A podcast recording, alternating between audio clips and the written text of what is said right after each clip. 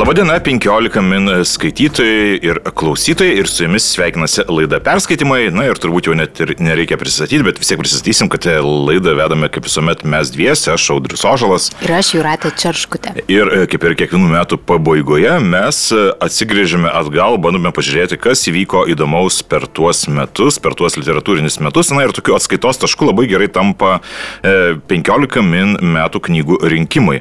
Ir per, mes tiesiog pasimame sąrašus sąrašus, kas, kas, kas yra išleista visose kategorijose ir galime žvilgterėti apie tai, kas buvo įdomus, kai kas galbūt nuvylė ir, ir, ir, ir panašiai. Žodžiu, tai bus šiokia tokia apžvalga, kas įvyko per metus ir dar tik tai iš karto primenu, kad e, vis dar galite balsuoti 15 min metų knygų rinkimuose, surasite balsavimą 15 min portale, atiduoti savo balsus e, šešiose kategorijose, kuriuose atrinko knygas 15 e, min surinkti ekspertai ir tarp jų esame ir mes, aš ir Juratė. Ir taip pat dar viena kategorija, tai yra šių rinkimų rėmėjai, patogu pirkti LT, irgi atrinko savo knygas ir ten irgi galite e, balsuoti. Dar liko savaitė iki balsavimo, tada mes išrinksime, tada skaitytojai išrinks penketukus ir iš tų penketukų po to ekspertai jau išrinks tuos pačius nugalėtojus. Žodžiu, Dabar kol kas yra viskas jūsų rankose, taigi balsuokite aktyviai. Na, o pirmasis klausimas turbūt būtų Juratė, mano tau toks, e, kaip tau šie literatūriniai metai? Tiek lietuvių literatūros, tiek verstinės literatūros rytyje. Na, aišku, suprantu, kad labai platus laukai, bet, na, jeigu taip reikėtų apibendrinti. E, man kažkaip e, metai atrodo geri, Ir nepaisant to, kad pirmą kartą per 15 min knygų rinkimų istoriją e, lietuvių autorių grožinių knygų mes nesurinkom 15 ar ne ir yra paskelbta tik 11 e, knygų, bet jeigu žiūrėtume iš sakykime, knygų gerumo arba reikšmingumo perspektyvos, tai šitie metai atrodo geresni man asmeniškai negu pernai metai, grinai kalbant apie lietuvių prozą.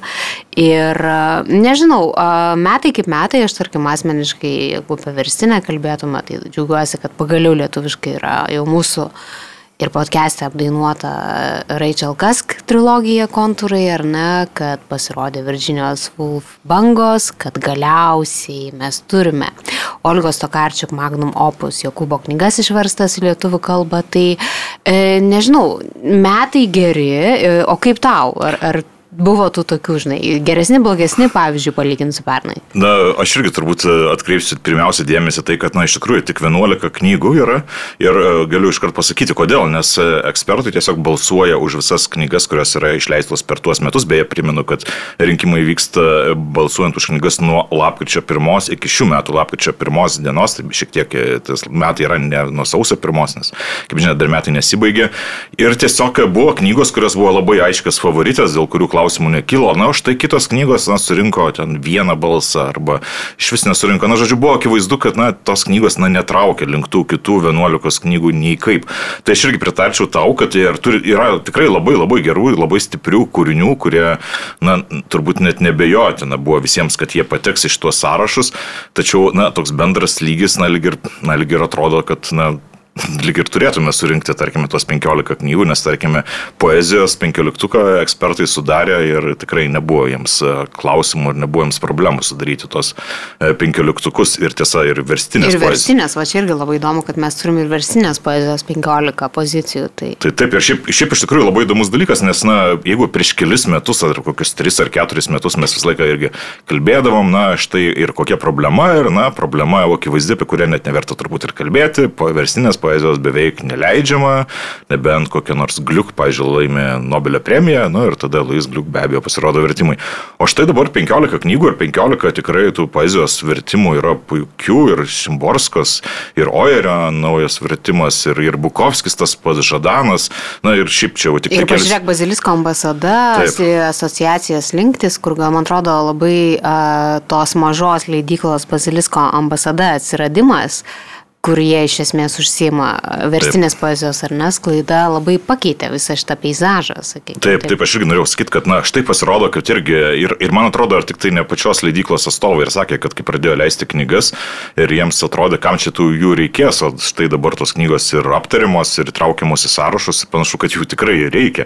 Ir, na, ir čia vėlgi dar vienas pavyzdys, kai, kai kas sako, kad, na, kas čia vienas laukia ne karys, ką čia tokias maža leidykla gali padaryti, na, štai matome reikšmingus uh, posūkius mūsų leidyboje ir tikrai smagu, kad uh, leidykla ir tiesą sakant ir paviljono knygų savaitgalių, kuris buvo praeitą savaitgalį, irgi išleido vėlgi tris naujas knygas. Žodžiu, tikrai puikiai leidikla, puikiai gyvoja, atrado savo nišą ir tikiuosi atrado ir savo skaitytojus. Na, o kalbant apie verstinės knygas, na, tu be abejo paminėjai to Karčiuk ir e, mes galbūt detaliau kažkiek kiekvieną tą sąrašą patirinėsim, bet man atrodo, kad na, irgi tos verstinės literatūros labai daug ir labai stiprios yra leidžiama ir e, tikrai neturime kuo skūstis. Tikrai, tiesiog, tiesiog yra tik tai e, skaitytojams galbūt netgi yra problema, kaip išsirinkti viską, nes na, iš tikrųjų labai daug tos geros literatūros išleidžiama. Kaip išsirinkti ir suspėti perskaityti. Taip, to pačio to karčiuk jau darbas tikrai kaip reikiant, ar ne? Nu kiek ten, beveik 900 puslapių, jeigu ne. 900 puslapių, taip. taip. Na ir galbūt iš karto periname prie konkrečiai sąrašų, nes turbūt darysime taip, kaip ir kiekvienais metais. Pasiemame po penkioliktuką, o lietuvių grožinės literatūros atveju vienuoliktuką, na ir žiūrime, kas, kasgi tokio įdomiausio, kas reikšmingiausio. Ir čia be abejo tik tai mūsų asmeninės nuomonės, tikrai čia mes neperšame, bet na, tiesiog pasakysime, kas mums pasirodė visai įdomu, tai tavęs norėjau iš karto klausti ir atė, kas tau iš šito vienuoliktuko lietuvių grožinio įstrigo. E, tai kas įstrigo? Be abejo, kad e, man kažkaip šituos metus, jeigu juos skaičiuosim, va taip ar ne, kaip skaičiuojam nuo lapkričio iki lapkričio, tai ko gero dvi knygos yra, kurių aš labai seniai laukiu ir aš tikrai na, seniai žinojau, kad jos yra rašomos. Tai Agne Žagrakalytės faktorių kaip ten faktų ir gandų kortelių romanas Trukšmaujantis katalikai, lengvas būdas parašyti istorinį romaną. Ir Danutės Kalinauskaitės, mūsų novelistikos meistrės, pirmasis romanas Baltieji prieš juoduosius.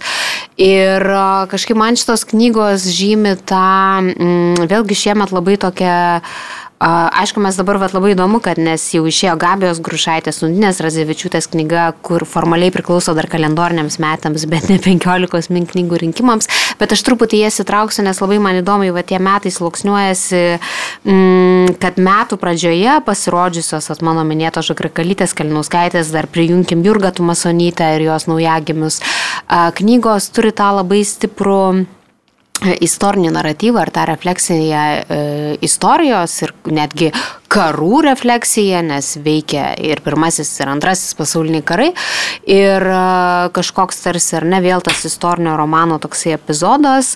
O štai antrojo metų pusėje yra tos knygos apie, apie dabartį arba netgi ateitį. Tai čia kalbu apie Gabiją Rundinę, bet aš manau, kad apie jas kalbėsim kitais metais. Tai vėl, žiūrėk, šitas sąrašas atrodo ar ne tik 11 pozicijų, bet tikrai yra uh, stiprių uh, knygų ir labai nemažai iš tų knygų šiaip buvo pristatyti pristatyta per Vilniaus knygų mugę, nu vasaris visada tokia kaip koncentracija, ar ne, tai ir Kalinauskaitės, ir Unės Kaunaitės distopija 2084, kur iš tikrųjų įdomus pasakojimas, nors aš tikrai nekartą esu sakius, kad distopija yra absoliučiai ne mano žanras. Ir aš labai tikėjausi iš šito romano, nes yra ta tokia nuoroda į Orvelo 1984, tai man atrodo, kad ta orveliška nuoroda ne iki galo suveikia skaitant e, romane.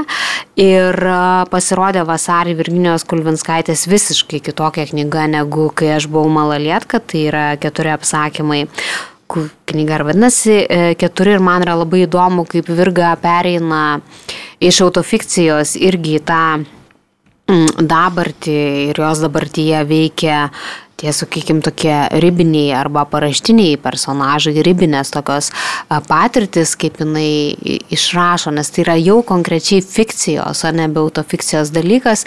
Ir aš manau, kad daugelis žmonių gal šiek tiek ir nusivylė, nes jie tikrai tikėjosi, kad tai bus malalietkos tesinys. Aš net esu iš kelių žmonių girdėjęs, kad, a, tai čia, žodžiu, ne antra dalis. Tai tas yra labai irgi įdomu, turbūt kaip rašytojas neriai visiškai a, kitą, e, kitą pusę. Ir man tikrai patiko Jurgos Tumasonytės naujagimė ir aš manau, kad visam Tumasonytės kūrybos kontekste tai yra geriausias iki dabar parašytas jos kūrinys, kur suveda va, tą jos novelistikos gebėjimą novelę išskleisti pasaulį ir kartu atsiranda, kadangi yra novelių romanas, ar ne, atsiranda ta jungtis, kuri gal kažkaip nepavyko sklandžiai jos parodyti jos pirmam romane Remontas. Tai ne, mhm. nežinau, kaip tau atrodo. E, šiaip ir beje, labai įdomus toks dalykas irgi, nes na, pirmoje metų pusėje tokie turbūt buvo du reikšmingi, na, reikšmia, ryškiausi ir reikšmingiausi kūriniai, galbūt čia per skambiai būtų pasakyti, nes na, kiekvienam yra patys reikšmingiausi vis kiti, tai yra be abejo Tumusonytės ir Kalinauskaitės šitos dvi knygos.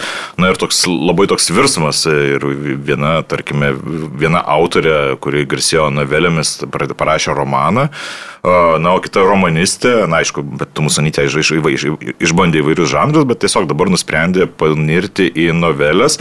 Ir nors abu šie romanai galbūt, na, žanriškai, tarkim, vienas gali būti novelių romanas, o kitas yra kaip ir romanas Danutės Kalinauskaitės, tačiau man vis tiek, na, Kalinauskaitės knygoje vis tiek toks jaučiasi novelistinis pradas ir tarsi toks jausmas, kad sunertant atskirų istorijų ta, ta, ta visa knyga. Na, o Jurgos Tamusanties knygoje tos novelės vėlgi sugulo kaip į atskirą, kaip į romaną iš tikrųjų. Toks irgi pasakojimas galėtų būti toks. Na, tok, tokie žanr, žaidimai žanrais, na, tai galbūt šitos dvi knygos ir man dar pasirodė irgi įdomu, įdomus labai tavo jau paminėtas Agnės Žakarakalytės kūrinys, nes irgi jo labai įdomi forma. Na štai turime iš karto tris knygas, kuriuose įdomios formos ir įdomu žiūrėti tuos literatūrinius žaidimus. Stebėti. Ir jas abi turbūt jungia fragmentiškumas, ką Agnė rašo savo įvadą, kad mes šiais laikais nebeturim ilgom istorijom laiko, tai jinai pakarpė to laiko ir vat, e, tas toksai laiko fragmentiškumas, nes pas Agnė iš vis yra romanas sudėtas iš iš atskirų kortelių, ar ne kurios, na, čia man iš vis labai patinka Agnės romanas tuo, kad nežinau, ar daug skaitytojų atkreipė dėmesį į tai, kad priešais jos vardą ant knygos viršelio yra parašyta žodis parengė. Tai reiškia, kad jinai tiesiog surinko tas korteles ir sudėjo į būtent tokį pasakojimą, kokį mes matome e, knygoje, e, bet grįžtant prie Kalinauskaitės ir Tumasonytės, tai iš tikrųjų aš kažkaip dar pavasarį jas kartu sugrupavau ir po to ir Kalinauskaitė man juokėsi, kad tu sugrupavai ir dabar mus visi kartu mato. E, bet iš tikrųjų yra tas bendras dalykas, kad jos abi yra novelistės. Ir novelistika yra būdinga atida detaliai e, tam tikram gyvenimo fragmentėliui ar epizodui. Ir tas labai labai justi šitose abiejose jų romanuose, kad jos išvė, vis, vis tiek išlaiko tą tokį novelistinį pradą, taip tarsi smulkiau žiūrėti į pasaulį ir į egzistenciją, bet, nu, šituo atveju jos jau suveria viską ant to romano karolio, ar ne tokio kurpalio, ir tada gaunam tikrai, na, tokius stiprius prozinius tekstus. Taip, ir, bet jie ir be abejo, e, galbūt panašumų galima ir atrasti, bet kartu jie yra labai skirtingi. Ir tarkim, tas pačios Jurgos Tumusinti knygos, irgi tie žmonės, kurie jau skaitė jos kitus kūrinius, be abejo, atras ir to gaivališko jausmo, tokio labai ir, ir, ir etninių motyvų, magijos prisilietimo, humoro, nors pat Jurga irgi, vedžiau vieną renginį su jie, tai jis sakė, kad kartais nelabai supranta, kas kitiems žmonėms jokinga, e, kai jai pačiai tie dalykai atrodo galbūt ir nejokingi, kurias aprašė rašė knygoje. Na ir e, tai iš tikrųjų tokie pagrindiniai tokie turbūt kurie, kūriniai, kurie iškart patraukia akį, tačiau iš tikrųjų, kaip jau ir patys sakėjai, kad yra na, daug ir kitų kūrinių, kurie na, tikrai stiprus ir įdomus, ir ta pati Unė Kaunaitė su savo kūriniu. Vėlgi, tas distopinis žanras Lietuvoje, na, jis nėra labai paplitęs, na, aš prisimenu Melnikas ar ne, tarkime, Oderis buvo, e, dar keletas kūrinių turbūt išnirtų, tačiau distopinis romanas ir patys lydėjai sako, kad distopinius romanus net ir verstinius nelabai skaito lietuviai, tai toks jausmas, kad, na, jis ne tik tai tarp mūsų rašytojų sunkiai prigyja, bet ir tarp skaitytojų jis nėra toks labai populiarus, skirtingai nuo tarkime, daugelio vakarų valstybių, kuriuose distopiniai romanai turi tikrai didžiulę paklausą. Ir aš dabar bandau mintyse, klausydama tavęs, pabandyti atsakyti į klausimą, kodėl taip yra. Ir, ir čia yra mano vat, viena iš versijų, kad a, galbūt taip yra dėl to, kad mes dar a, kaip valstybė pakankamai jauna nesam suvedę sąskaitų su istorinė praeitim. Ir tarkim, va, tam tikrą sąskaitų suvedimą liudyje, pavyzdžiui, Kalinauskaitės romanas, kurio siužetas yra, ar ne, kad heroja gauna palikimą ir jinai a, turi advokatams pateikti tą difevitą, ar kaip tas dokumentas vadinasi, žodžiu, pateikti giminės medį. Ir yra rekonstruojamos šeimos istorijos, kurios dėl sovietinės okupacijos, stalinistinio režimo nusikaltimų žmoniškumui buvo, žodžiu, užgneuštos, apie jas net ir šeimose nebuvo kalbama. Tai iš tikrųjų dabar vat, prasideda tas kažkoks istorinis praeities reflektavimas, kas beje labai akivaizdu ir mes dar apie tai kalbėsim, matosi iš lietuvių autorių negrožinių knygų, nes Taip. šiemet yra labai nemažai naujų sovietmečio studijų skirtingų ar nesričių. Tai e, galbūt, kad mes vis dar uh, tyrinėjam praeitį, Gal dėl to e, neišeina taip kažkaip drąsiai ir laisvai projektuoti ateities, nes distopija yra labai ryškus žvilgsnio metimas į ateitį. E, nors jis yra labai prisirišęs prie dabarties, bet kadangi mes dabartyje vis tiek dar per petį persisukė į tą praeitį ir aš manau, kad tą praeities visus reikalus vėl labai suaktualino Rusijos karas Ukrainoje, nes mes vėl staiga ar ne prisimenam, kas mūsų didysis priešas yra. Tai mm, įdomus tom distopijom, nes vienu metu man atrodo, kad tikrai dabar karantino metu atrodė, kad tikrai čia bus tų distopijų kažkoks antplūdis, tai jis šiaip anglakalbiam pasaulyje pakankamai yra akivaizdus, pas mus nežinau.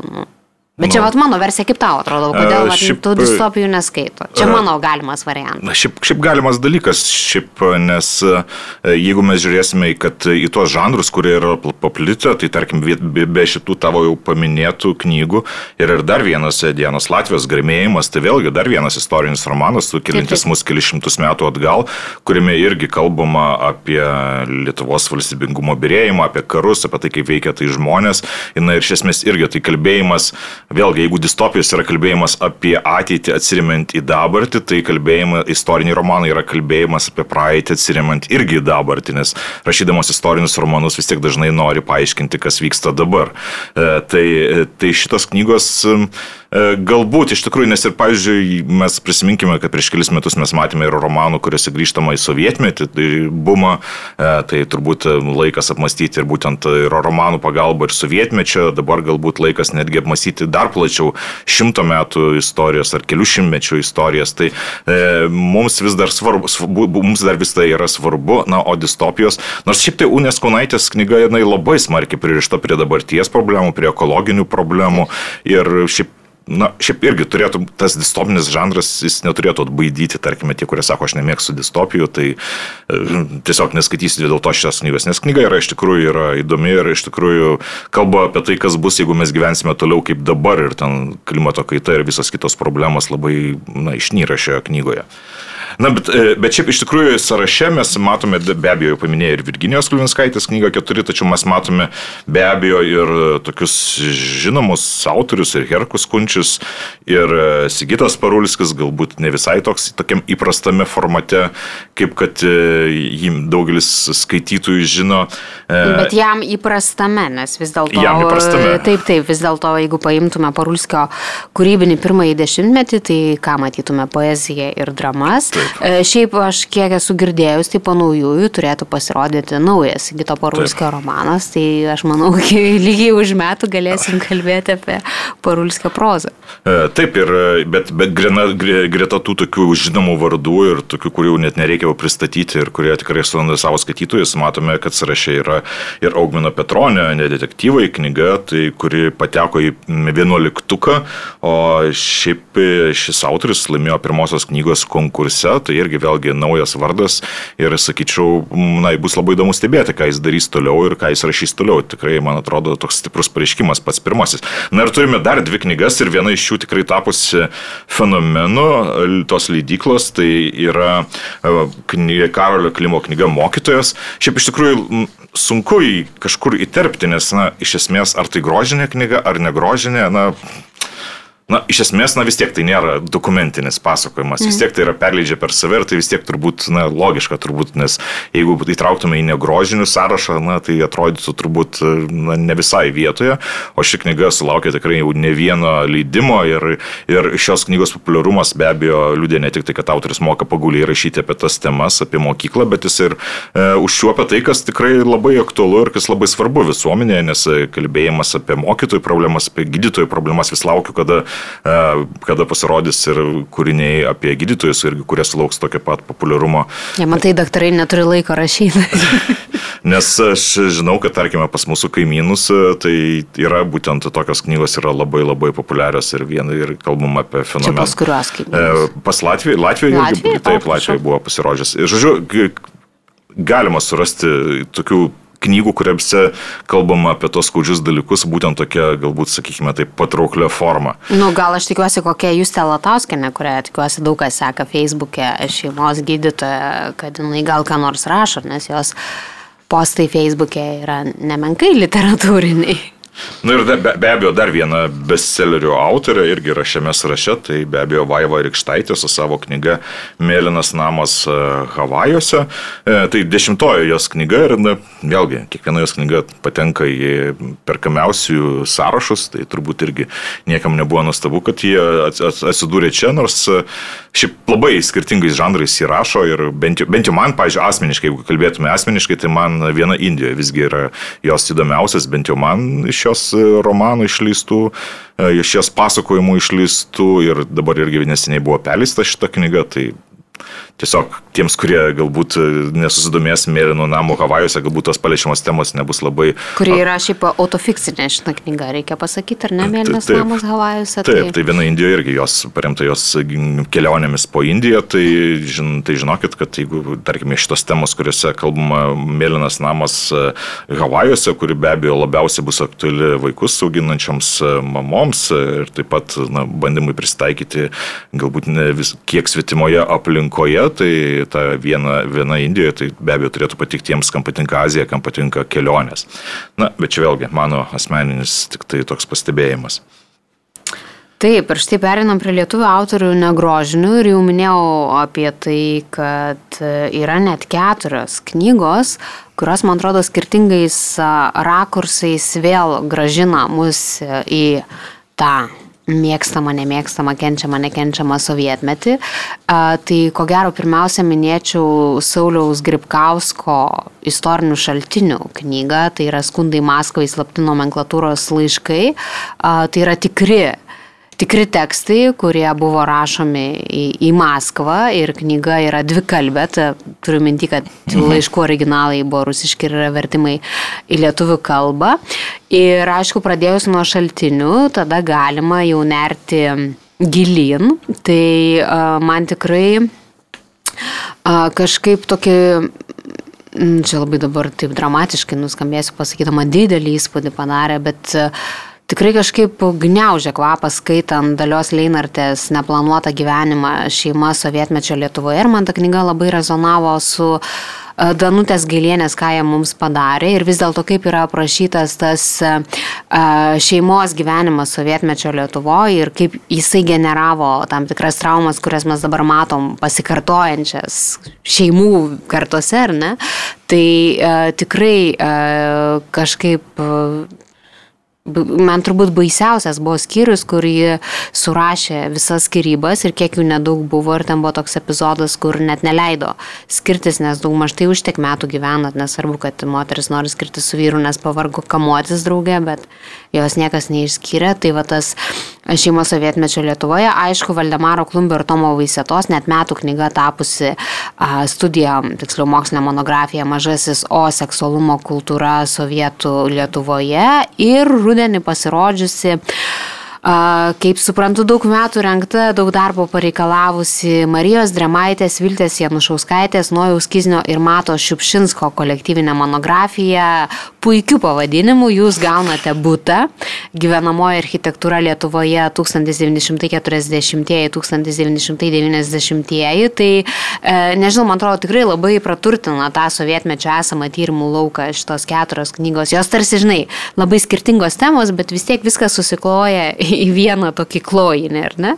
Ir, ir šiaip labai gerai pasakai, kad kiekviena knyga tarsi papildo vieną kitą ir ir jos netgi kažkaip netgi susijusios. Ir taip įdomu, kaip autoriai, rašydami iš visiškai skirtingų taškų, visgi sugeba na, prieiti prie panašių temų. Ta pati, jeigu imtume Leinartės, pavyzdžiui, knygą, tai tarkime, ji irgi ten kalba ir apie tą patį seksualumą, ir apie šeimos gyvenimą, ir apie tas visas trauminės patirtis. Ir apie būtus.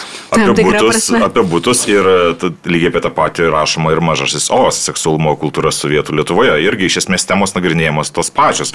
Bet jeigu mes kalbėtume vėlgi apie būtus, ten irgi rašoma apie, apie tas pačias santokas, apie galbūt, kaip čia pasakius, ne, išskaičiavimas labai būtų kitoks gal žodis, bet ir čia mes periname prie knygos apie jūs gaunate būtą, bet jeigu mes pradėsime skaityti Gripkausko knygas, ten lygiai tos pačios problemos ir apie tai, kaip irgi ten nomenklatūrininkai, kaip gaudavo būtus ir, ir kaip būdavo tai manipuliuojama ir panašiai. Žodžiu, ir kaip skūsdavo, kad tas gavo geresnį. Taip, kas ir, ir, ir skūsdavo, ir, ir kas gyvena gyvena ten, bet ten nesilanko ir panašiai ir taip toliau. Ir, ir tas pats, nors, žodžiu, tai yra Nors, pažiūrėjau, tam ir, ir toje pačioje Dremaitės knygoje irgi rašoma apie tai, kaip tas pats nekilnojamas turtas būtai būdavo būdas irgi manipuliuoti tą pačią nomenklatūrą. Tai, žodžiu, visos šitos keturios studijos, jos prašytos netgi skirtingais stiliais ir skirtingi žanrai ir liudijimai ir, ir moksliniai tyrimai, bet jos visos kažkaip, na, sugula viena šalia kitos ir, sakyčiau, netgi ves verta skaityti vieną,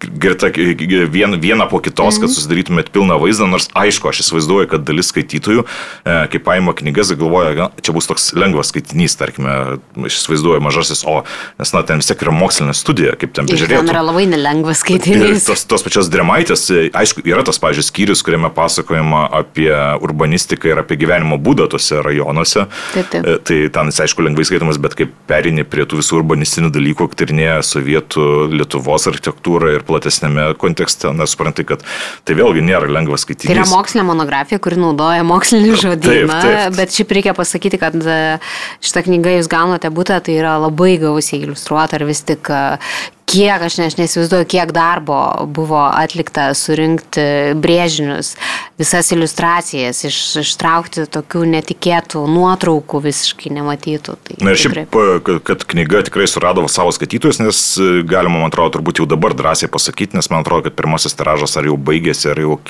eina link pabaigos, tai žodžiu, Na štai, žmonės, beje, turbūt ne vieną kartą, kiekvienais metais mes turbūt paminim tą patį, kad, na, Lidikla Lapas, na, edukuoja žmonės urbanistinėje srityje. Ir, ir architektūros klausimais apskritai. Taip, taip, tai ir, žodžiu, ir, ir panašu, kad žmonės jau skaito tas knygas, atrado savo skaitytojus tos knygos ir netgi štai tos knygos yra netgi yra išperkamas. Tai akivaizdu, kad, na, pataikė nervą visuomenės. Ir aš manau, kad, nežinau, mano čia toks yra asmeninis įspūdis vis dėlto, kai UNESCO Kauno tarpukario modernistinę architektūrą įtraukė į tą paveldo sąrašą, ar ne, tai e, didžiulis indėlis yra Marijos Dramaitės, nes tarkim asmeniškai mane būtent Marijos knygos ir optimizmo architektūra ir tarkim jos a, monografija apie Arno Funko architektūrą, e, tai tarsi išmokė, kaip reikia žiūrėti į tuos namus, kaip juos reikia a, matyti, tai tikrai šitas toks Marijos pastarųjų, nežinau, septyniarių, aštuonerių metų darbas yra tikrai labai reikšmingas, na ir tas matyti iš to, kaip yra perkamos knygos. Bet aš dabar galvoju, audriau žiūrint į šitą lietuvių autorių negrožinių, tai turbūt e, nebejotinai bestsellerių bestselleriai čia yra šitą mūsų sąraše du. Tai aišku, Birutės Davidonytės ir Dovido Pancerovo pranešėjas ir prezidentas, aš net tiesa nepatikrinau, kiek jų yra leidimų ir kiek egzempliorių cirku, cirkuliuoja mūsų šalyje ir už jos ribų. Ir aišku, Andriaus Kleivos, ką veikia Japonija, kur man atrodo dabar prieš kalėdas, regis leidikla Tito Alba ar atnaujino leidimą ar paleido naują tiražą. Ar aš jau kažką maišau? Čia kad... ir, ir pirmoji knyga jau buvo seniai jau tapusi retenybė ir, ir, ir, ir čia beje, pavyzdys, ar ne, ką, ką reiškia Japonija Japonija. Atrodytų, kad na, daug kas, daugelis lietuvių, čiagi ne Egiptas, ne Turkija, kur buvo visi turbūt lietuviai, nu, didžioji dalis, bet e, ir apie kurią, kuri, kuri turės sudominti, Japonija atrodo tolima šalis, bet ką reiškia parašyti knygą taip, būtent tokiu žvilgsniu ir taip įdomiai. Aš, pažiūrėjau, skaičiu šitą knygą per kelis prisėdimus perskaičiu, nes, na, buvo taip įdomu, kaip pamatyti, kaip žmogus iš vidaus pasakoja, kaip tie japonai renginėjo būtus, kaip jie valgo, kokia svarbi ta maisto kultūra, kaip viskas atrodo, kad tarsi iš kito pasaulio ir visą tai rašoma, na, taip labai gyvai per savo asmeninį prizmę. Tai ir sakyčiau, kad antroji knyga, buvo čia antroji knyga apie Japoniją iš autorius, mm. antroji knyga akivaizdžiai matosi, kad autorius yra smarkiai patobulėjęs ir bent jau mano įstikinimu yra tikrai geresnė už pirmąją. O kalbant apie Panserovo e, su Davidodytė knygą, na, tai čia be abejo didžiulis, vienas didžiausių turbūt šių metų apskritai beserlių Lietuvoje. Ir sulaukusi, va irgi vienas iš tų pavyzdžių, kaip ką, ką gali knygos. Na, gali knygos šį beitą, nes šita knyga, kaip žinome, išvirto, kad, kad na, kad išvirto į tai, kad vėl šitą istoriją atsidūrė, atsidūrė dėmesio e, centre, vėl buvo, įvyksta politiniai procesai ir, žodžiu, ši, ši knyga neleido užmiršti tai, tam, kas vyko tada ir aš manau, kad e, prieš prezidento rinkimus, kurie bus kitais metais, bus tikrai ne vieną kartą prisimenama ir bus tikrai analizuojama toliau ir toliau. Na ir tai vėlgi vienas iš tų retų atvejų, kai žurnalistinis tyrimas virsta knyga ir tikrai labai smagu, kad e, šie autoriai rašo ir toliau. Mm. Na ir šiaip galima turbūt būtų dar vieną tokią kategoriją e, supinti vieną, tai turbūt e, ryškios asmenybės kurių mes jau nebeturime, bet tačiau šiose knygose prisimintos jos yra, tai be abejo mūsų Irena, atsiminimai apie Ireną, Ireną Veisaitę, e, tai jos pažįstamų bendražygių prisiminimai apie, apie ją ir tikrai šita, šioje knygoje Irenos Veisaitės paveikslas skleidžiasi įvairiomis spalvomis ir galima pamatyti ir jos gyvenimo skirtingus etapus ir jos veiklos skirtingus etapus, na ir be abejo Leonido Donskio e, kūriniai. E, sudėti knygoje. Na, šiaip, aišku, klausimas mums irgi buvo, ar čia kaip čia įtraukti šitą knygą, nes, na, tai vis tiek nieko naujo kaip ir nėra, tačiau aš esu tikras, kad, na, daugelis daugel šitų tekstų yra pasklidę ir internetinėje erdvėje, ir visur kitur, ir sunku juos surasti, o šie kūriniai visi sulimpa į vientisą tokį vaizdą. Ir e, ši knyga irgi sulaukė jau ne vieno leidimo, tai irgi akivaizdu akivaizdu, kad Leonidas Donskis na, vis dar aktualus ir mes ir, tarkime, redakcijoje labai dažnai pakalbame, na, kaip trūksta ypač šiais laikais Leonido Donskio ir jo išvalgų. Ir taip, kaip, autoriteto kaip, krizė. Taip, ir kaip tos tuščios erdvės visgi taip niekas ir neužpildė. Taip, ir ko gero prieš tų dviejų knygų aš pridėčiau, aišku, kito laikotarpio, bet e, kito laikotarpio herojas tai Sofija Smetonienė ir Jadviga Tubelienė ir tai yra Ingridos Jakubavičianės knyga Dviese. Šitą autorė tiesa jau ne pirmą knygą rašo apie e, smetonų ir tubelių šeimas, tai man regis tikrai, kurie domisi ir mūsų, ir mūsų istorija, ir mūsų to tarpukario gyvenimu, tai šita knyga bus įdomi. Kita turbūt aš dabar galvoju kategorija, aišku, čia dabar aš tik prisiminiau, kad komentuoju lietuvių autorių negrožinės, nes reikia pasakyti, kad aš buvau nusišalintus ir nebalsavau, Taip. ar ne, nes pretendavo mano sudaryta knyga Stasio Drigevičius meno klajūnų eskizai, bet čia akivaizdžiai yra dar tokia meno kategorija, ar ne, tai turbūt įtrauktume Agnės Narušytės sudarytą knygą Lietuvos menininkės, apie kurią buvo daug kalbama, buvo, aš mačiau socialiniuose tinkluose ir nemažai kritikos, bet vis tiek išvada būdavo viena, kad mums labai seniai reikėjo tokios knygos. Ir pagaliau ji yra, nes aišku, visada, kai tu darai kažkokį savadą, visada išlenda pasipiktinimas tų, kurie nėra įtraukti į tą sąrašą, ar ne? Ir turbūt greta šitos knygos pritiktų Natalijos Arlauskaitės ir Miglės Anušauskaitės žiūrėti ir būti žiūrimai, tai feministinės kino teorijos savokos ir komiksai tikrai tokia netikėta, bet tarkim tą feministinę kino teoriją paaiškinanti ir atskleidžianti knyga. Ir aš galvoju, dar šiaip man labai patiko skaityti Aš prisimenu, kai nusipirkau Vilniaus knygų mūgiai iš tą knygą, nes ją pardavinėjo Vilniaus universiteto leidikla, tai tą patį vakarą iškart ir puoliau skaityti. E, tai net kelių autorių - Rimvido Laužiko, Antano Strausko, Aleksandro Bely ir Tomo Romvidžio senojo Vilniaus skoniai. Tai man ta gastronominė rekonstrukcija buvo, nežinau, kažkaip gaivino mane tuo metu. Ir šiaip dar vienas aspektas, vėlgi apie kurį, nes knygų apie Vilnių bumas jau tęsiasi ne vienerius metus ir, ir, ir oi, čia man atrodo, mes tikrai bus dar rašoma ir rašoma apie Vilnių skirtingais aspektais, o senojo Vilniaus skoniai, na, toks gana toks šviežias, gana žvilgsnis.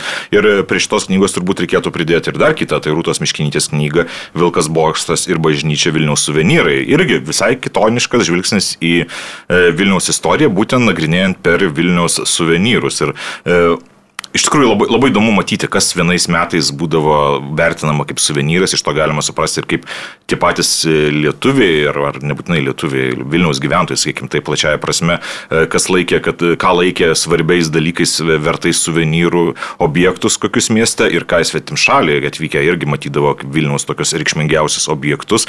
Galima matyti ir politinius virsmus, kaip tie atsispindėjo suvenyruose. Žodžiu, e, tikrai visiškai šviežias ir visiškai įdomus e, e, žvilgsnis ir be abejo irgi labai puikiai išleistas ir labai e, šitas kūrinys ir, na, tiesiog malonu įskaityti, malonu įmatyti ir kai kurios situacijos, tiesą sakant, aprašytos šioje knygoje, kas galėjo tapti suvenyrais, na, glumina netgi kažkiek. Mm -hmm. bet, bet iš tikrųjų irgi knyga, kuri pati gali būti puikus suvenyras, ne tik tai skaitimui. Ir turbūt e, liko dar kelios knygos, apie kurias mes nepakalbėjom. Iš, viena iš jų be abejo yra Agnes Kaiskaitės knyga Woman.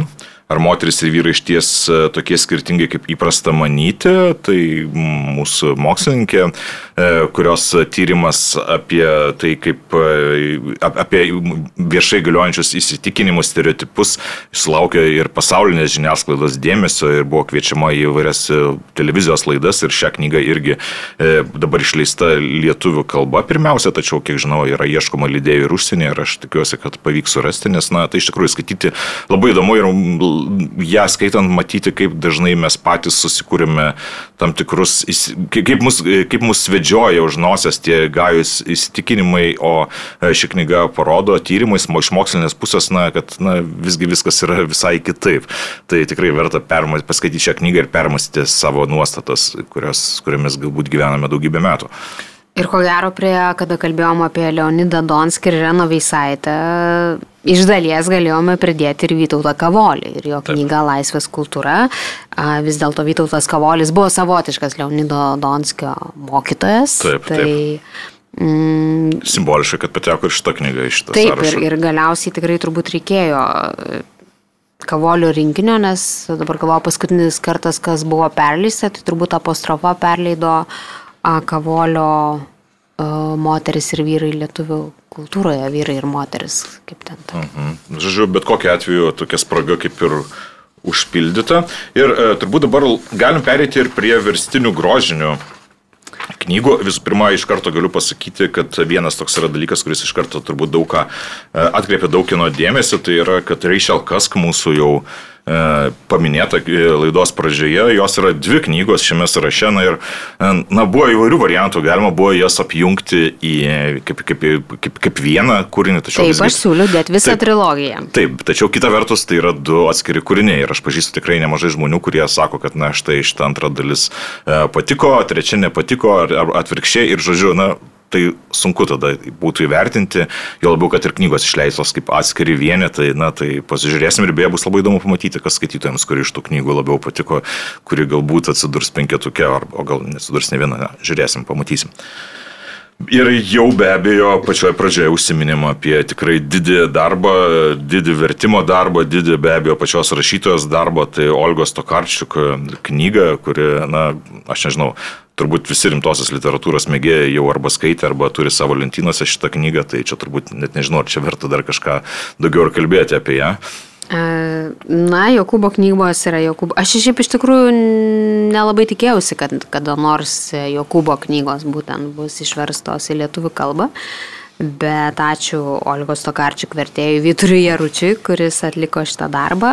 Ir beje, kitą metą aš manau mes kalbėsim, nes aš jau žinau, kad yra atiduota į spaustuvę. Naujausias Tokarčiuk kūrinys parašytas jau jai gavus Nobelio premijos laureatą, tai kurortinis siaubo detektyvas Empuzijas, tai apie tai kalbėsim kitą metą, bet taip, jeigu mes žiūrėtume puslapių skaičių, tai nebejotinai Tokarčiuk būtų laimėtoja. Turbūt kai kurios penkios kitos knygos užima tiek pat puslapį, tai tarkime tas pats uh, Tas pats, jeigu imti, beje, kuri labai serija, kuri mane labai, labai džiugina, tai Briusas Četvinas, Utsas, mažytė knygutė, bet tokia, tokia puikia, tokia tiek daug visokiausių temų atskleidžia ir, ir tas kolekcionavimas kaip apsidimas, porceliano istorijos ir, žodžiu, daug ko ir turbūt mūsų klausytojai turbūt jau prisimena, kad Askar laidą net šiai knygai. Taip, kalbinom vertėją Mariu Buroką. Mariu Buroką, tai, žodžiu, knyga. Ir, ir šiaip iš tikrųjų džiugu, kad leidikla Lapas pradėjo leisti tų tokių Pradėjo savo grožinės literatūros seriją. Pradėjo grožinės tai... literatūros seriją, kur leidžiamos tokias galbūt e, knygos, kurios galbūt kitų leidiklų dėmesio ir nesulauktų. Tarkime, taip, taip. Nes važiuok ir Andrew Komarnitski, Ezras Lefas, kitas Nobelio literatūros premijos laureatas, tai šiaip priminsim, kad rašytojas viešėjo rudenį Vilniuje festivalyje Open Books Ir taip, aš beje su šita Komarnitskio knyga turiu labai tokį konfliktišką santyki, nes tai yra knyga apie mano cechą ir apie mano profesiją. Ir aš suprantu, kas kitiems atrodo labai jokinga, man tai yra kaip smūgiai į paširdžius duria į tas tokias skaudžiasias vietas, kur tu kartais irgi galvoji apie tą savo tokį profesijos irgi tam tikrą fiktyvumą, ar ne, sėdėti ir analizuoti literatūrą ir gyventi tam fiktyviam pasauliu, bet šiaip akademinio pasaulio, kadangi personažas yra Oksfordo literatūros profesorius, veiksmas vyksta tokiam akademiniai šventoviai, tai tikiuosi, kad nesumaišiau Oksfordo su Cambridge'u, taip į mane pažiūrėjau dabar, žodžiu, Oksbridge'o pasitai pataisom ir...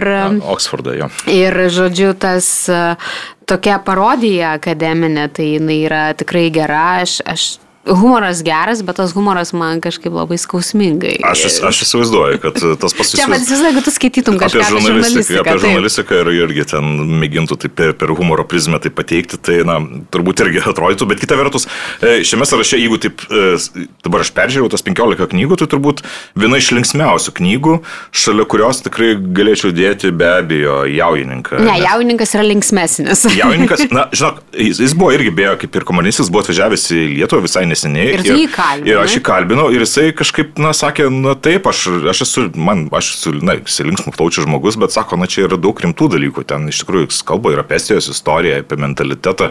Ir sako, na, šiaip iš esmės šitą knygą daug kas skaito kaip, na, tokį meilės, e, kaip, kaip, kaip, kaip tokį linksmą romaną, tačiau iš tikrųjų, anot jo, tai yra, na, nelaimingos meilės istorija šitos knygos centre. Na, žodžiu, Va, štai, kaip galima skirtingai išvelgti tos kūrinius ir beje, grįžtant prie tų pačių literatūros kritikų, šitos knygos galbūt kažkiek siejasi dar ir tuo, dėl to, kad aš irgi uždaviau jam klausimą to susitikimo metu, sakau, na, bet žiūrėkit, vat, štai jūs pasakojat, kad rašėte apie tą, bet literatūros kritikai išvelgia visai ką kitą.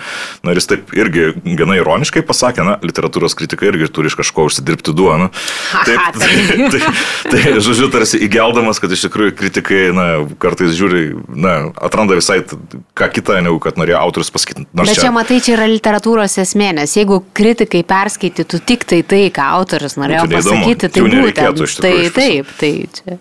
Na, žaidimo taisyklės tokios. Tai... Na, bet kokia atveju šitas e, rašytojas tikrai suradė savo gerbėjus Lietuvoje, tikrai turi gausybę fanų ir pirmas. Kai tu jų kalbinai, tai ištark jo pavardę, nes jau tikrai žinai, kaip jį reikia taisyklingai ištarti. Andrusas Kivirakas. Va, bet, štai. bet aš nesu tikras, kad esi, nes atsimenu, kad vertėja man irgi pataisė, kai aš e, ištariau jo pavardę pirmą kartą. E, bet šiaip aš ką norėjau pasakyti, kad, pažiūrėjau, pirmojo knyga, kuri pasirodžiusi buvo lietuvių kalba, jos pirmasis tiražas buvo išpirktas ir dabar pakartotas yra. Na, štai mes dažnai kalbame, kad, na, mums neįdomus Latvijų rašytojai, mums neįdomus Estų rašytojai, mes vis laiką norime iš vakarų, bet štai pavyzdys. Jie, ne, ne, jie negali būti mums neįdomus, nes mes jų per mažai vertimų turim. Tai čia. Taip, žinai... taip, ir štai išleidžiama gera knyga ir pasirodo, tautybė nėra problema. Estų rašytojas, ne, tai ne anglas, ne vokietis, ne prancūzas, puiku. Čia beje labai papasakosiu tokią įdomią istoriją, nes spalį uh, viešėjau Jeilo universitete, kur vyko Vilnius 700 metų jubiliejų simpozimas ir susipažinau su ten besistažuojančia čia estų mokslininkė, estų literatūros tyrėja ir kažkaip pradėjom kalbėti irgi apie vertimus, ar ne, ir aš kažkaip atsidusau, kad kiek nedaug mes iš tikrųjų žinom e, estų šiuolaikinės literatūros, nes mes praktiškai neturim vertimų, ką taip tikrai gan daug esam išsivertę, tai žinoma, Lietuvos bičiuliai Reina Rauda. Ir tada paminėjau jai, kad vat, yra Andruso Kiviraho žmogus mokėjęs gyvačių kalbą ir kad yra naujausias romanas Jaujininkas. E, ir aišku, man buvo labai sunku kažkaip rasti to romano pavadinimą angliškai, aš tada greitai, žodžiu, susiradau originalų į estiškai ir jinai labai apsidžiaugė, kad sako, čia yra jo geriausias Kiviraho romanas Jaujininkas. Sako, kaip puiku, kad jūs galėsit jį perskaityti lietuviškai. Tai, žodžiu, aš labai irgi apsidžiaugiau, kad va, štai net estų šiolaikinė šiuolaikinės literatūros tyrėja, mano kolegė patvirtino, kad va puiku, kad štai šitas kūrinys yra išverstas į lietuvių kalbą. Ir dabar, dabar beje, kai kalbėjai apie estų literatūrą ir aš tada prisiminiau, kas visgi laidos pradžioje, ką aš sakiau ir kur aš padariau klaidą, e, kai, e, kai mes kalbėjom apie gydytojų rašomus, e, rašomas knygas. Tai tu turėjai minti estus, o ne latvius? Aš turėjau net ne estus ir ne latvius. Aš prisimenu, kad aš patai girdėjau Frankfurto knygų mugę ir aš galvojau, su kuo aš kalbėjau tuo metu ir man pasirodė, kad aš kalbėjau su latviais ir tada prisiminiau tik dabar dabar, kai kalbėjai Dežavų, visgi aš kalbėjau su Vainovičiumi, jis kalbėjo apie Sloveniją. O, kaip Slovenijoje, Slovenijoje tai yra visiškas bestselleris, tai yra būtent per pandemiją dirbusio gydytojo užrašai, kuris pasakojo, ką teko patirti tuo metu. Tai pripaišiau į Latviją, bet visgi šiek tiek toliau, na, bet kuriuo atveju. Bet gerai, kad pasitaisai, kad prisimeni geografiją. A, taip, tai žiūrim toliau, žiūrėk, aš dar matau. Anie Arno įvykis, šiaip pernai, kai Anie Arno gavo Nobelio premijos um, laurus, a, tai leidikla Baltos langos iš karto paskelbė, kad jie leis ir vers Anie Arno turbūt tokį žinomiausią kūrinį metai. metai. A, tai metai per šios metus dar nepasirodė, galbūt labai labai prieš pat naujuosius, bet aš kažkaip mm, įsivaizduoju, kad, kad po, bus po naujųjų, bet per tą laiką netikėtai, nes metus verčia greta Violeta Štikelytė, o įvykį išvertė Violeta Tauragenė iš prancūzų kalbos. Tai Irgi, beje, reikia pasakyti, kad turbūt daug kas matė, nes šitas įvykis yra ekranizuotas ir vis dėlto teksto stiprybė yra tikrai stipresnė negu filmo, nežinau, man tekstas Anierno yra gerokai įtaigesnis negu filmas. Taip, bet čia dažniausiai taip ir būna. Nu, bent jau mums rašto žmonėms turbūt. Mums labai... sugadintiems literatūros. mums sunku įtikti su filmais, labai retais atvejais būna. Na ir Eni Arno įvykis, na, toks toks visai, vis, visai geras laukimui to didžiojo jos romano buvo leidinys, kūrinys, vertimas, kuris tikrai vienu metu padarė didžiulį įtaką pasaulyje ir buvo labai plačiai aptarinėjamas ir, na, man atrodo, kad irgi Erno e, atrado savo gerbėjų Lietuvoje ir po šios knygos pasirodymo. E, Rachel Kaska, jau kaip ir minėjom, yra dvi knygos šiame sąraše, visa trilogija išleista lietuvių kalba. Na ir Rachel Kaska atvažiuoja Vilniaus knygų mugė, tai tikrai, man atrodo, bus vienas iš laukiamiausių susitikimų šiame renginyje. E, Aš irgi nežinau, ar čia mums verta dar plėtotis, nes jau labiau visai neseniai mes skiriame irgi atskirą laidą Rachel Kask. Ne, tai, tai kad mes Kask mylim ir kad mums patinka, tai jau kaip tai ir... tai čia turbūt jau net neverta kaip kalbėti. Ir aišku, aš aišku dar kartą tik tai priminsiu, kad vis dėlto man Virginijos Wolf bangos, ką ir sakiau laidos pradžioj, kad vienas iš turbūt įsimintiniausių uh, vertimų, bet aš apskritai esu Wolf skaitytoja ir Wolf gerbėja, tai čia jau tikrai nepakaltinama ir nebegalioja man kritikės kriterijai galioja, bet, žodžiu, bet šiaip, koks, koks gražus tas tekstas, ar ne? Absoliučiai, žinau, aš kartais net ir dabar, va, kai liūdna kažkaip palieka, kadangi lapkritis, gruodis, tamsu, šalta, šlapia, niūrų, tai aš iš bet kurios vietos vulbangas atsiverčiu ir atrodo įkrenti į tą sąmonės bangavimą ir kažkaip viskas, viskas gražu ir gerai. A, dar žiūrim, ką mes čia turime. Turbūt klasiškai galima perėti prie Fitzgeraldo, gražus ir pasmerkti, turiu irgi knygą. Laikotarpis panašus panašus. Rašymas. Irgi klasika mhm. literatūros ir irgi išleista pagalų gale ir lietuvių kalba. Mes šią knygą irgi aptarėme studijoje. E, na, turbūt nėra, kad čia jau daug ir kalbėti. Fižaldas. Taip, na, turbūt... susiraskit mūsų pokalbį su vertėja Daiva Daugirdėne. E, aš bent jau asmeniškai labai džiaugiuosi. Roberto Bolanijo be abejo knyga Prakeiktos žudikės man viena iš favoričių šių metų. Iš karto galiu drąsiai kaip tu su Wolf, tai lygiai taip, taip pat aš galiu irgi neslėpti savo simpatijų Bolanijo. Ir e, tai pirmasis jo apsakymų rinkinys. Ir dažnai būna taip, kad žmonės visgi pirmiausia pradeda na, atrodo, kad apsakymai yra toks menkesnis žanras, kažkaip vyruoja. Kaip tai yra atvirkščiai.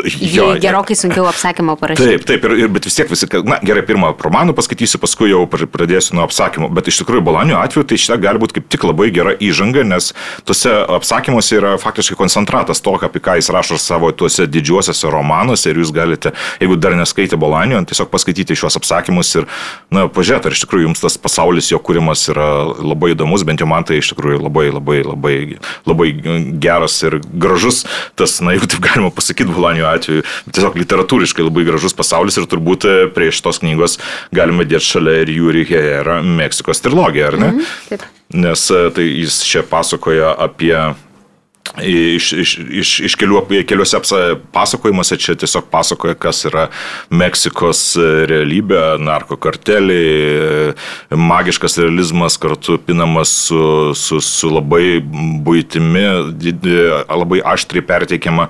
Ir, žodžiu, bent jau man toks vienas įdomiausių šių laikų galbūt Meksikos rašytojų. Ir e, kaip mes kalbėjome apie Lapą, turbūt galima pasakyti ir apie Rarą, turbūt irgi šiemet, kad, na, smagu, kad tęsia savo pažymus toliau mūsų supažindina, supažindina su tokia taip, taip. puikia literatūra, kurios irgi galbūt kitos leidyklos ir neleistų. Nu, ko gero, aš neįsivaizduoju, kas pavyzdžiui Fernanda Melchior būtų išvertę į lietuvių kalbą, jeigu nerara. Aš žiūriu kitos dvi knygos, kurias galima suporuoti, ar ne, a, taip sakant, kad kažkoks yra fiksuojamas vidurio Europos mentalitetas, tai ko gero būtų Danielos Hodrovos abiem pavydalais ir Agotos Krištof vakar. Tai a, čia jau turbūt audriau, tu turėtum daugiau pasisakyti, o lab, kad tu padarėjai interviu su Hodrova. E, taip, Hodrova e, ir man liūdna netgi kažkiek, kad e, šita autorė, šita knyga yra Um, taip mažai, taip mažai, ne, taip mažai atkreipta dėmesio. Aš suprantu, kodėl, nes iš tikrųjų tai knyga galbūt sunkiai skaitoma, tikrai reikalauja viso įnirimo iš tą kūrinį ir turbūt net ne vieno perskaitimo, nes aš ją aptikau labai labai seniai kažkada. Tu ją pirmiausia angliškai. Angliškai skaičiau ir angliškai aš grūmiausi su tą knygą, bet iškart mačiau, kad na, tas pasakojimas yra labai įdomus ir lietuviškai, kai išėjo, tai labai džiaugiausi. Ir, na, kiek suprantu, nes, kaip jau minėjom, nesurado labai didelio skaitytojų rato, tačiau tikiuosi, kad bent jau ir šitos penkioliktuką patekimas irgi atkreips dėmesį. Tai e, pasakojimas, kuris kerta ribas, tai yra vizijos, svajonės, magija, realybė, be abejo, Praha, e, Prahos tamsa, istoriniai virsmai, to laikotarpio atspindėjimas tokiamis ryškiamis meninėmis priemonėmis. Na, žodžiu, man tai yra literatūra iš didžiosios raidės ir, e, na, šiaip čekų literatūros yra leidžiama pas mus netiek jau ir daug. Tai, man atrodo, kiekvienas toks leidinys yra tikrai nusipelno dėmesio, juolab, kad jis yra toks svarbus. Taip, ir čia aš galvoju, kam patinka Richardas Gavelis ir jo Vilnius, taip, tai čia iš tikrųjų Hodrova yra labai toks čekų, čekų taip, taip. Gavelis ar ne, čekų Praha.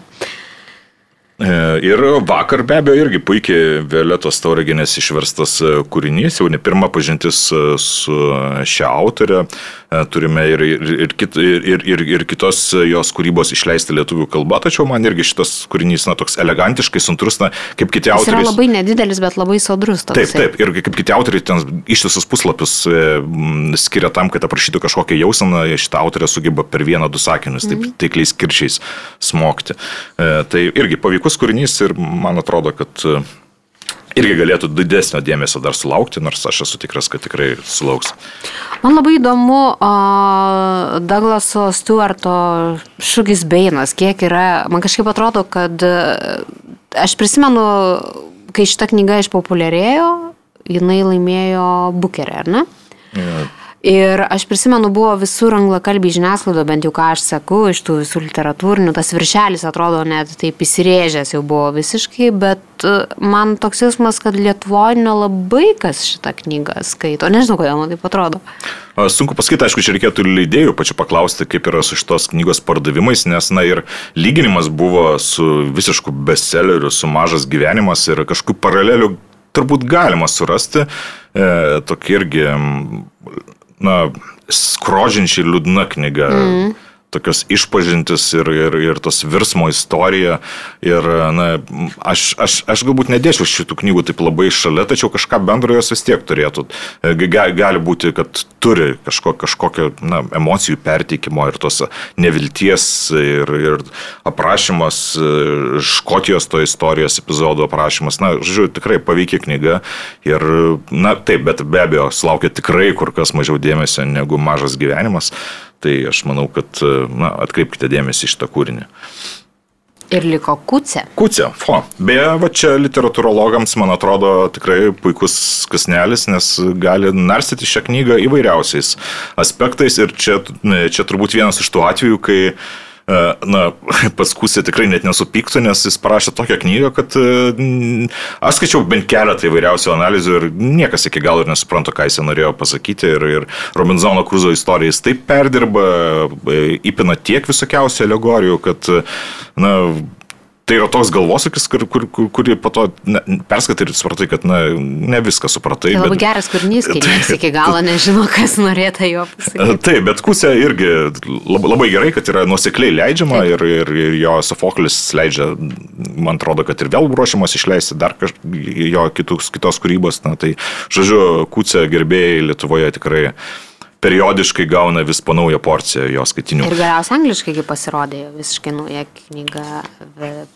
Taip, ir, man atrodo. Ir, ir, ir šiaip į penkioliktuką turbūt bendrinu gali pasakyti, kad labai plati ir geografija, ir, ir žanrinė, stilistinė įvairovė. Ir, na, aš dabar irgi nuėjau paviljono knygų savaitgalį, na, matėm turbūt irgi puikių naujų leidinių, apie kurias bus kalbama turbūt metus, tai yra Perekas ar ne, e, paskui Šanksiuotavo Raudono, Raudonio gatvė, kur irgi kinų vertimas iš kinų kalbos pasirodantis po keliolikos metų pertraukos ir man tai labai labai pasirodė įdomi knyga. Žodžiu, metai dar tik tai baigėsi šie, o rinkimuose dar tik prasideda, bet jau iš tikrųjų yra puikių, labai rimtų pretendentų į e, kitų metų penkioliktuką. Aš dar tik gal paminėsiu, kad man gaila, kad nepakliuvo viena knyga ir man gaila, kad turbūt ir paviljono knygų savaitgalį susitikimas su šito autorium G.P. Leitinenu atvykus iš Suomijos. Nebuvo daug žmonių, bet šitą romaną išleido leidikla Hubris išvertė iš suomių kalbos Urtė Leponiutė ir va tas romanas fiktyvus apie Hario Kvalijos tą fiktyvaus žmogaus teoriją, aš nežinau, man kažkaip rūpiučio pabaigoje jį skaitant, uh, kažkoks buvo labai toksai geras polisis, nes vis tiek dabar literatūra yra labai persmelkusi kaip pasakyti, persmelkia asmeniškumai, labai reikia tos asmeninės patirties, to kažkokio subjektivumo, nes visi nori tapatintis, visi nori, kad juos paliestų tekstas. Ir staiga atsiranda romanas, beje, debutinis, žurnalisto rašysio ekologinėmis temomis. Ir taip gerai, nežinau, man kažkaip išplėtota, bet aš aišku pakeliu rankas ir pasakau, kad čia gali būti dėl to, kad aš labai gražiai leidau pirmas birželio dienos Helsinkė, kur man labai patiko mano vidinis introvertas išgyveno pačius geriausius laikus. Tai nežinau, bet man va, tikrai, nors penkioliktukė nėra, tai kam įdomu suomių literatūra, aš kažkaip tikrai dar ir noriu paminėti. Filosofinė literatūra. Taip, taip, ir filosofinė, taip, vis dėlto tai romanas balansuojantis tarp literatūros ir filosofijos tikrai, tikrai kažkaip labai man įsiminė. Na ir štai periname turbūt prie negrožinių verstinių knygų, kurių irgi e, pakilimas nesibaigia, nes jeigu prieš keletą metų buvo kalbama, kad e, negrožinės literatūros bumas yra atėjęs, tai tas bumas, matome, išvirtimo tęsiasi. Tai tęsiasi, bet žinai, kad tas bumas, kas mane labai džiugina, kad jisai tęsiasi ir lietuvių negrožinės. Nes Taip. mes prieš keliarius metus, gal aš neprisimenu, nu, atrodydavo, kad iš vis ten gali surinkti kokias vos kelias pozicijas, o dabar žiūrėk 15 ir dar žinau, kad buvo balsavimų ir dar liko knygų už sąrašo. Tai e, aišku, aš iš karto turiu prisipažinti, kad, prisipažint, kad ta versinė negrožinė yra mažiausiai mažiausiai man rūpima sritis, tai aš skaitau, bet tikrai netiek daug, kiek verstinė grožinė. Tai... Bet Olivijos Lank vienišas miestas be abejo perskaitė. Tai be jokios abejonės. Iš pat pradžių, kai pasirodė, ir man atrodo, kad viena iš tų labiausiai aptariamų knygų, ar ne? Ir beje, aš perskaičiau ją prieš kelionę į New Yorką, tai buvo visai, žinai, kitas buvimas New York'e. Na, bet iš tikrųjų, tas vėlgi toks pasakojimas, kuris sukonstruotos taip, kad asmeninės patirtis e, susilieja su žinomų menininkų biografijomis, su miesto biografija ir, na, tu skaitai, kaip galima išskaityti miestą visiškai kitokiu būdu ir kaip, kaip galima jaustis e, tokiu vienišu tame mieste ir kaip galima jame, būnant vienišam, tiek daug pamatyti tame mieste. Na ir tikrai šitą autorę turi gausybę gerbėjų na, ir turbūt bus leidžiama ir daugiau jos kūrinių. Nes, ir šį beje, čia va toks vienišam mieste yra tas toks išskirtinis Olivijos Lang rašymas, nes aš esu skaičius ir knygą apie garsių rašytojų girtoklystės, Taip, kur skaičiau, ta. irgi iš esmės jinai labai tą supina savo asmeninę tokią liniją ir pasakoja savo asmeninį gyvenimą ir tada kažkaip labai gražiai pereina į tuos kultūrinius sluoksnius, pasakodama apie jau garsius kur- Taip, taip, taip. taip. E, Tai va, bet žiūrėk miestas ir tada, aišku, mes ko gero e, turime pakalbėti apie Janą Gėglą, kuris vakar visiškas buvo anšlagas e, Mo muziejuje, taip. kur buvo skaitoma jo paskaita. Tai leidikla Lapas išleido jo a, garsėją knygą Miestai žmonėms. Ir aš beje turiu prisipažinti, kad tikrai nustebau sužinojusi, kad autoriui yra 87 metai, nes kažkaip iš nuotraukų taip nepasakytum. Bet, bet irgi štai urbanistikos žvaigždė, ar ne, Taip. Tarkime, ir, bet na, vis tiek atrodo, kad kas yra autoriai, kas yra tos žvaigždės literatūros, tarkime, na, bent jau tarkim, rašantis knygas žmonės ir, na, sutraukia dažnai ten, na, šimtas, du šimtai, o čia buvo visiškas anšlagas, absoliučiai. Ten, Man regis 500 žmonių buvo kažkas tokio. Jo, buvo pasirodę, kad užsiregistravo tiek žmonių, pasirodo štai, štai, apie ką, na, žmonės iš tikrųjų skaito apie architektūrą, skaito apie miestus ir jiems įdomu ateiti ir pas, pamatyti pokalbis tais pačiais autoriais. Taigi matome, kad, na, Nes pagaliau žmonės pradėjo suprasti, kad jie gyvena miestuose. Žinai, šiaip ir- ta refleksija irgi. Ir mes tokia. matome iš tikrųjų judėjimą ir ne, ne tik knyginį, bet ir šiaip, pavyzdžiui, mes visi puikiai žinom Basanavičiaus gatvės istoriją, kai pasirodo, kad pilietiški žmonės, na, jautri reaguoja, jie, jie supranta, kad viską, na, jiems svarbu, kokiame mieste jie gyvena ir koks tas miestas turėtų būti, kokios tos vizijos galėtų būti miesto. O kalbant apie kitas knygas, na, šiaip knyga, kuri turbūt e, žiūrint iš šono ir, tarkime, žmonės, kurie galbūt e, ne visai žino to žmogaus e, visą kūrybinę biografiją, jiems gali kažkiek įstrikti Steveno Kingo apie rašymą, memoarai apie amatą, ar ne knyga. Vis daugelis mes, jūsų, mes, mes žinome šitą autorių visų pirma kaip siaubo romano autorių, tačiau be kita ko jis yra parašęs šią labai labai garsią knygą apie rašymą, kurie daug rašytojų ima kaip vieną iš tokių, na, pakankamai svarbių, kuris pasakoja, kaip reikia rašyti. Taip, kur yra, kas dėsto kokį kūrybinį rašymą, tai čia yra privalomas sąrašo punktas. Šita knyga tokia visiškai netikėta. Kaip Kaip ir minėjai, tai būtent, kad visiškai, bet, bet jis po velniais, jisai teisingai rašo apie rašymą. E, Na, be abejo, yra bent kelios leidyklos, kurios leidžia ir e, filosofinę literatūrą. Ir... Šiaip aš labai žinai, kad man labai netikėta, kad vis dėlto iš šitą sąrašą pakliuvo Sorenas Kirkegaras, Kirkegoras, kaip čia reikia taisyklingai, jį ištarti ar ne, ir suvedžiotojo dienoraštis tokia visiškai netikėta Kirkegoro kitokia knyga, knyga. galima būtų tikėtis. Bet, e, ar ne, ir šiaip jeigu žiūrim iš tą sąrašą, tai tikrai yra išbalansuoti moksliniai, nemoksliniai tekstai, nes, tarkim, tai yra Reino Raudo veikianti reikšmė, jo originali tokia kultūros e, teorija, sukurta, išversta e, į lietuvių mm, kalbą, tai mes matom ir architektūros, ir asmeninių pasakojimų. Tai šiaip tas, tas pats Tomas Wolfas nuo Bauhauso iki mūsų toks huliganiškas ir visai kitoks Huliganiškas ir toks konfliktiškas netgi Konfliktiškas, tekstas, jo, jo, kuris tai- labai asmeniškai irgi žiūri ir jam, Taip, taip. nes, ne, ne, nes, tiesą sakant, nesiskaito su autoritetais, nesiskaito iš esmės su visomis teorijomis, pasakoja, kaip jam tai atrodo. Ir aš iš tikrųjų kažkaip nesitikėjau, kad šita knyga bus išleista lietuviškai, bet yra labai geras Marijos Dremaitės įvadas, tarsi pakomentuojantis, kokį mes santykių turėtume su šitą knygą turėti. Tai.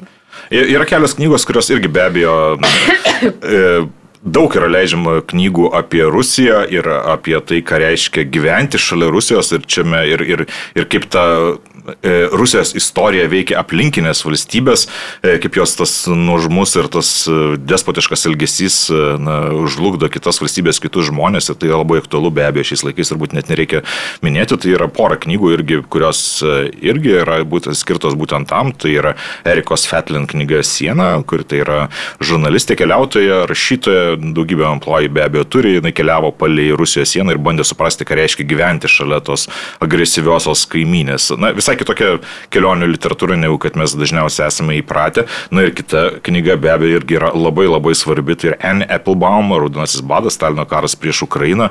Mano labai mėgstama rašytoja ir žurnalistė. Ir e, šioje knygoje mes galime suprasti, kaip tas Stalino karas prieš Ukrainą, kas, kas, kas ten vyko ir kad iš esmės viskas vyksta iki šiol lygiai taip pat, na, ne, vis, ne visai lygiai tas pats, bet tas mentalitetas, tas valdžios elgesys, na, iš esmės nesikeičia, viskas yra užkoduota ir viskas tik tai kartojasi.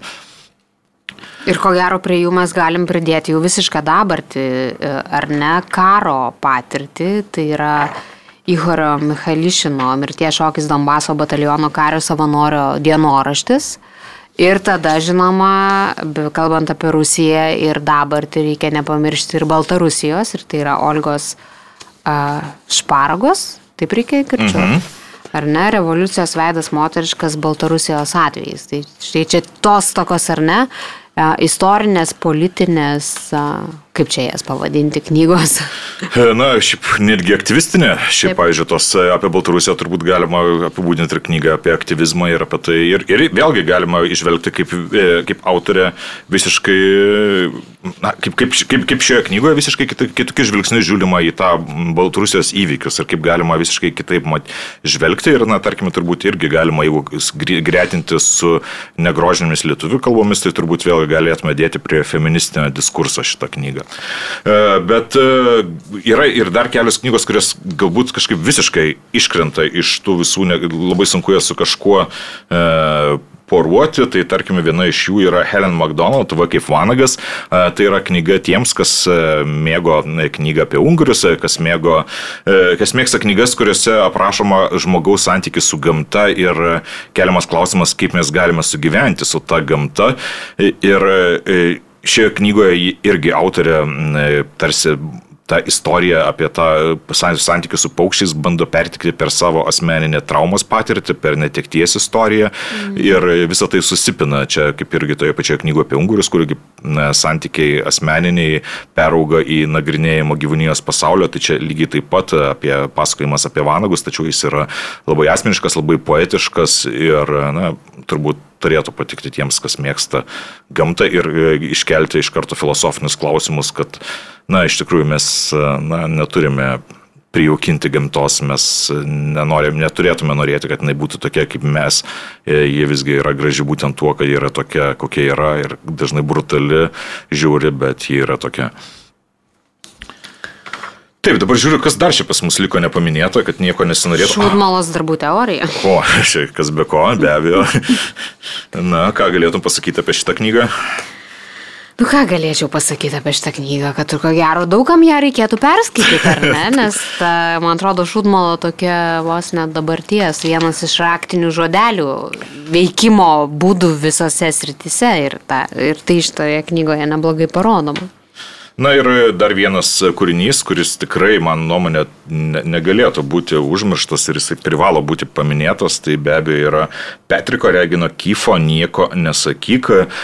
Bent jau man yra vienas įspūdingiausių negrožinės literatūros kūrinių išleistų šiais metais, tai yra pasakojimas apie, apie Šiaurės Airiją ir pasakojimas apie tuos e, Troubles turbūt angliškai geriausiai vis tiek vartoto laikotarpį, nes na, įvairūs vertimai yra ir įvairiai verčia įvairiose knygose, bet e, ir pasakojama irgi, tas, tas visas e, pasakojimas yra kaip trileris, aš nežinau, ar, ar čia kai kam gali būti ir, ir, ir kaip teigiamas dalykas, kitiems galbūt labiau norintiems moksliškesnių tekstų, gal ne visai toks teigiamas, tačiau aš skaičiau, na, buvo ir šiurpas ėmė, ir kartu buvo tiesiog susižavėjimas autoriaus darbo, kaip jisai sugeba visą tai pertikti štai taip, štai papasakoti tas istorijas, taip kad, na, tiesiog matai, supranti, kad kiek mažai žinojai apie Šiaurės Airijos istoriją ir kad viskas vyko taip neseniai laikė nuo mūsų, tačiau atrodo, kad, na, tarsi daug kas yra visiškai praėję, bent jau pro mano žvilgsnį. Galvoju, ar yra dar kažkas, ko mes. Nu, ir liko Joana Gera Konoško 27 Tobio Bedo mirtis.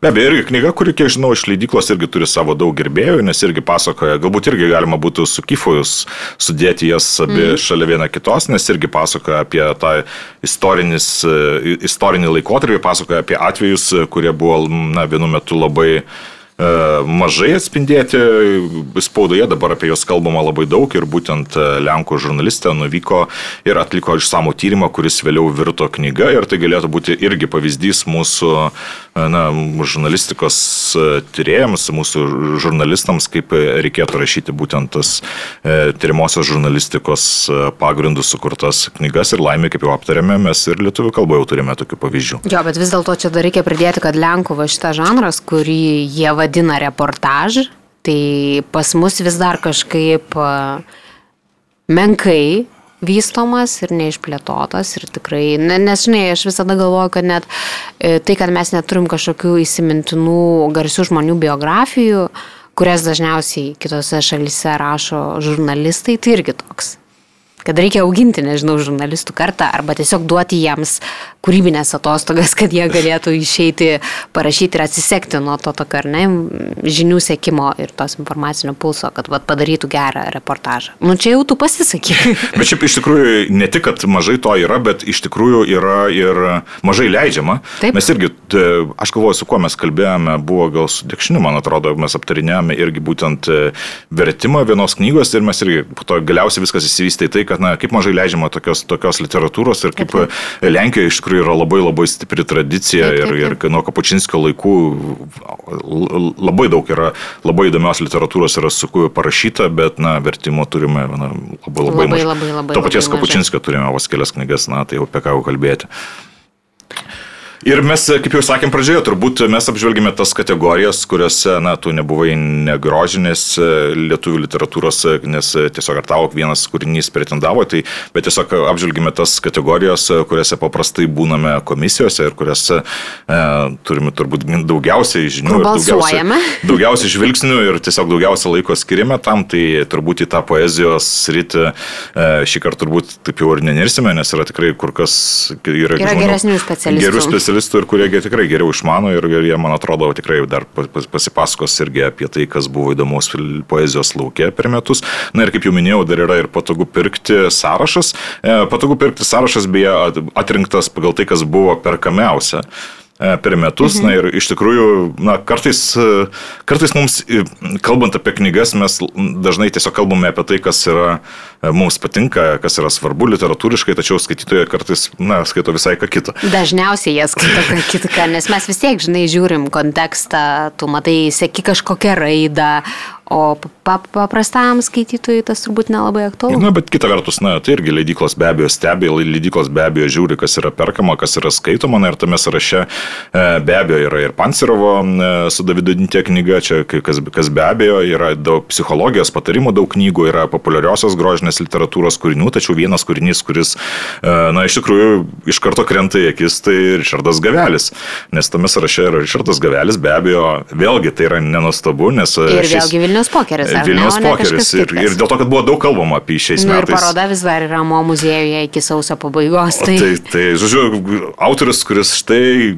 aktualus buvo, aktualus yra ir tikrai bus aktualus dar daug, daug, daug laiko. Tai aš manau, kad tie žmonės turbūt, kurie na, pradėjo vėl kalbėti visi apie gavelį, galvo, o štai dar vis neskaičiau, visgi reikia perskaityti tą vieną iš svarbiausių mūsų literatūros darbų. Tai ką, tai žmonės dar balsuoja savaitę Taip, dar žmonės balsuoja savaitę, paskui iš, išrinks penketukus ir iš tų penketukų paskui jau komisija išrinks, na, kas yra verčiausio dėmesio ir aš, na, kažkaip turiu nuojautą, kad turėsim tikrai stiprių kandidatų, bent jau dabar žvelgiant atrodo, kad tikrai yra iš ko rinktis.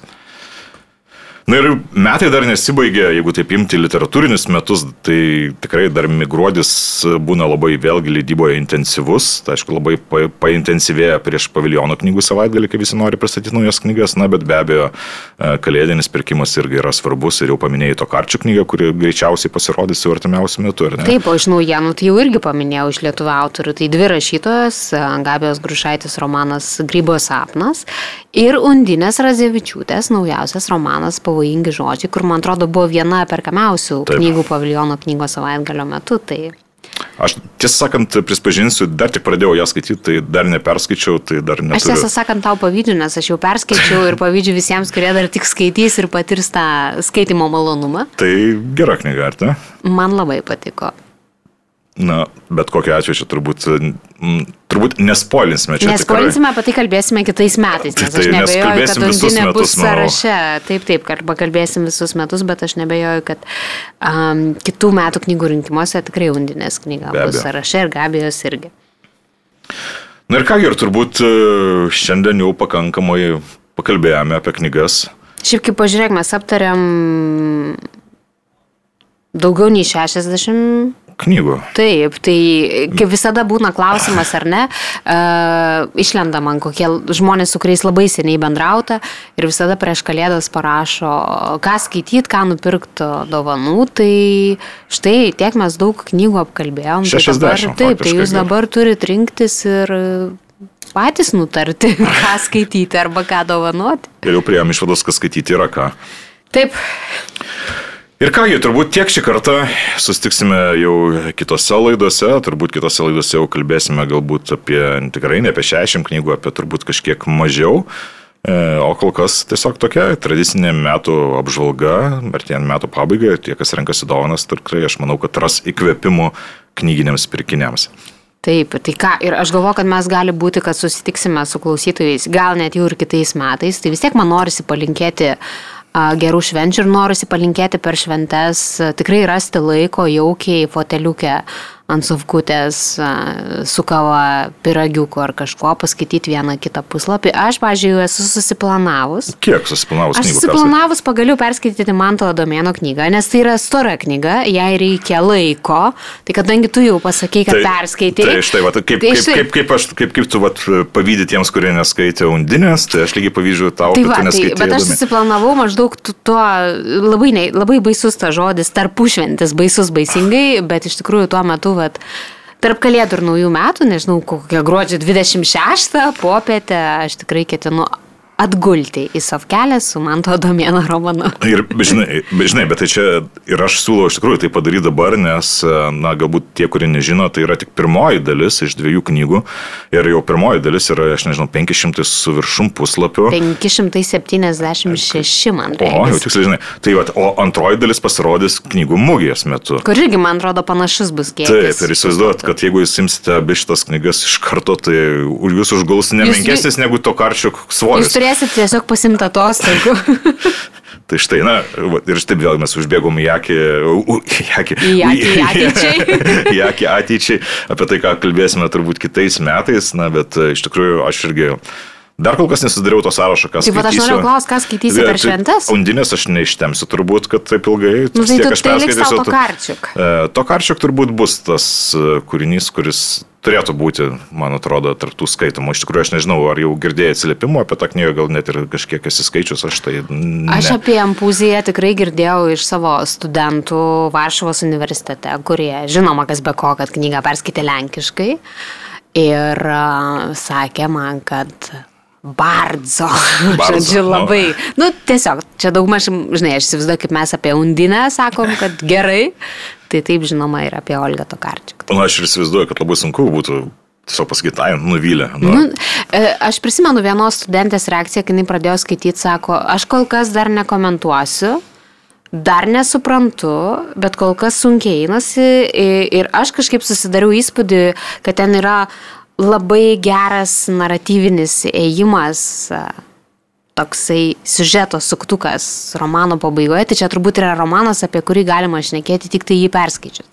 Mhm. Visą. Nu, ta prasme, nes būna tekstų, kur pradedi skaityti ir jau turi kažką gali pasakyti, o čia, kaip aš taip supratau, bent jau iš savo studentų, kad taip dėja, ne apie šitą tekstą negali pasakyti. Vad labai laukiu. Man, man labai patinka ta žanrinė paantraštė kurortinis siaubo ar siaubo kurortinis detektyvas jau iškart nuteikia taip, kas čia bus. Žodžiu, kaip ir sutarėm, tu Adomėną, aš Tokarčiuk skaitau. Ir tada susitinkam, pakalbam apie tai. Ne, ne visai tokie kalėdiniai skaitiniai, prisipažinsiu, abu šie, bet, na, kiekvienam savi. Bet beje, man atrodo, mes galėtume kada nors padaryti laidą apie tuos kalėdinius skaitinius. Aš niekada tokių neskaitau ir man šis klausimas, ar tikrai tokių knygų reikia. Čia, bet čia atskira tema visiškai. Na, šiaip leidykloms turbūt reikia. Ar skaitytojams reikia, čia jau reikėtų pasikviesti keletą skaitytojų, kurie papasakotų, kodėl būtent tokių knygų jiems reikia. Tai va. Gerai, tai turbūt nebekankinsime jūsų daugiau, nes na, priešnekėjome apie knygas pakankamai ir ką, balsuokite toliau rinkimuose, turite tam dar visą savaitę ir skaitykite knygas, o šiandien buvom kaip visą laiką mes, aš Audris Ožalas. Ir aš Juratė Čerškutė ir ką, gerų Iki. jums skaitinių. Ir gerų švenčių, jeigu nesusitiksime iki tol.